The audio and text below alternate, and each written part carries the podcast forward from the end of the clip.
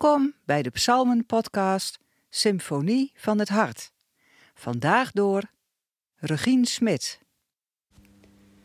Van Psalm 102 lees ik de versen 1 tot en met 6, 13 tot en met 19a, 24 tot en met 29. Gebed van een ongelukkige die dreigt te bezwijken en zijn klacht uitstort voor de Heer. Heer, Hoor mijn gebed. Laat mijn hulpkreet u bereiken. Verberg uw gelaat niet voor mij, nu ik in nood verkeer. Wil naar mij luisteren. Antwoord mij haastig, nu ik roep. Mijn dagen vervliegen als rook. Mijn gebeente gloeit als vuur.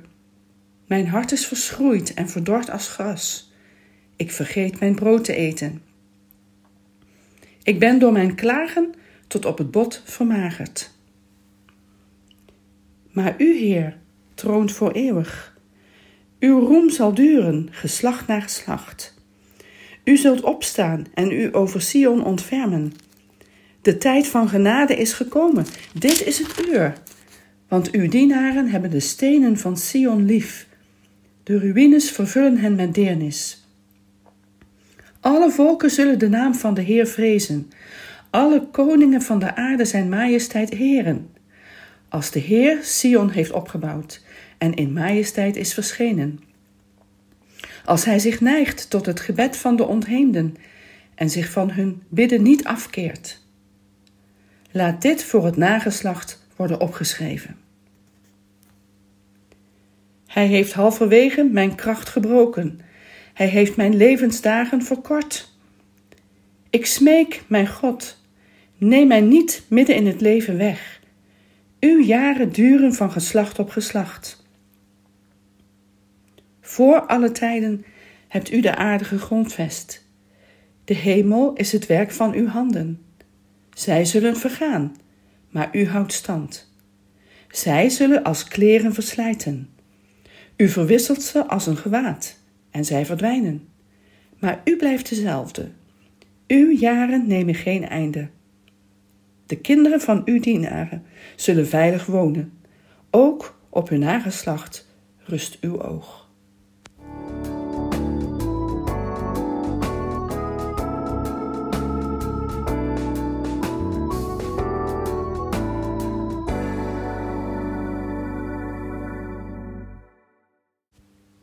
Toen Jan Rot die onlangs overleed, te horen kreeg dat hij nog maar kort te leven had, nam hij zich voor om die laatste maanden nog volop te leven. Als ik om twaalf uur thuis moet zijn, terwijl anderen nog door kunnen feesten, kan ik toch maar beter tot twaalf uur feesten, in plaats van die laatste uren ook nog in een hoekje gaan zitten. Zo was zijn redenering. En dat heeft hij ook gedaan. Een bijzondere manier om de naderende dood onder ogen te zien die ook veel krediet kreeg in de afgelopen tijd. Maar zo gaat het vaak niet. Persoonlijke zorgen of verdriet om het naderende levenseinde kunnen, als ze in een grote verband staan, zoals een familiegeschiedenis, extra gewicht krijgen. Ook onderdeel uitmaken van het grote verhaal van God met de wereld kan je extra gevoelig maken voor de ellende en pijn van het aardse bestaan, omdat de boodschap van het evangelie is: het kan anders, het wordt anders, God wil het anders. De psalmist van vandaag is in grote nood. Het besef van de naderende dood, terwijl hij doodziek en verzwakt is, grijpt hem ontzettend aan. En hij uit zijn noodkreet daarover tot God. Maar gaat het hier alleen om het persoonlijke levenseinde? Uit de context van de psalm blijkt dat er meer aan de hand is. De psalmist leeft tijdens de ballingschap, in den vreemde. Hij heeft de jaren afgeteld. 70 jaar, dat had de profeet Jeremia toch gezegd? Nu zou er toch onderhand een einde aan moeten komen. Uw dienaren hebben de stenen van Sion lief, zo bidt hij. En hij, hij is zo'n dienaar. Ach, wat zou hij er niet voor over hebben om Jeruzalem te zien herrijzen? En het zal toch niet zo zijn dat hij dat niet meer mee zal maken. Zo oud is hij toch nog niet? Maar hij is zo ziek en uitgeput. God, u laat mij hier toch niet achter? Maar gaandeweg de psalm beseft de psalmist dat, ook al blijft het mogelijk aan zijn ogen ontrokken, Gods belofte blijven staan. En dat wil hij vastgelegd hebben voor het nageslacht. Want als het niet voor hem is weggelegd, dan toch zeker voor hen.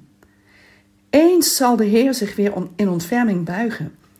Opnieuw zal hij de bevrijder zijn van zijn volk. En terwijl zijn gebed begon als een persoonlijke klacht, verandert het in voorbeden voor de gemeenschap en de hele wereld. En wordt het een eschatologische uitroep, met Sion als de plaats waar alle volkeren God zullen loven. Toch is dat nog niet voldoende om hem uit zijn persoonlijke nood op te richten. Hij keert in het vuur van zijn gebed weer terug naar zijn eigen benauwenis. Het contrast tussen de stralende toekomst en zijn eigen misère is wel erg groot. Ik smeek u, ik smeek u, neem mij niet midden in het leven weg. Maar ook dat gewet verandert. Dit keer in het besef dat het menselijk leven überhaupt maar een oogwenk is.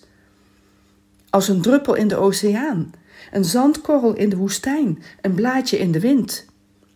Zelfs de hele schepping, de aarde en de hemel zijn maar tijdelijk, inwisselbaar dus.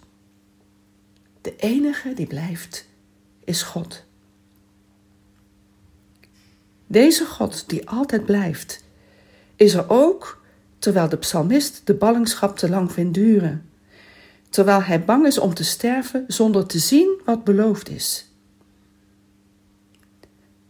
Dat Gods liefde eindeloos is, dat die zelf de brug zal zijn naar het onbekende land van de dood, dat wat er ook gebeurt, hij zijn God is en blijft, en ook die van zijn kinderen. Dat is de boodschap van deze psalm voor ons vandaag.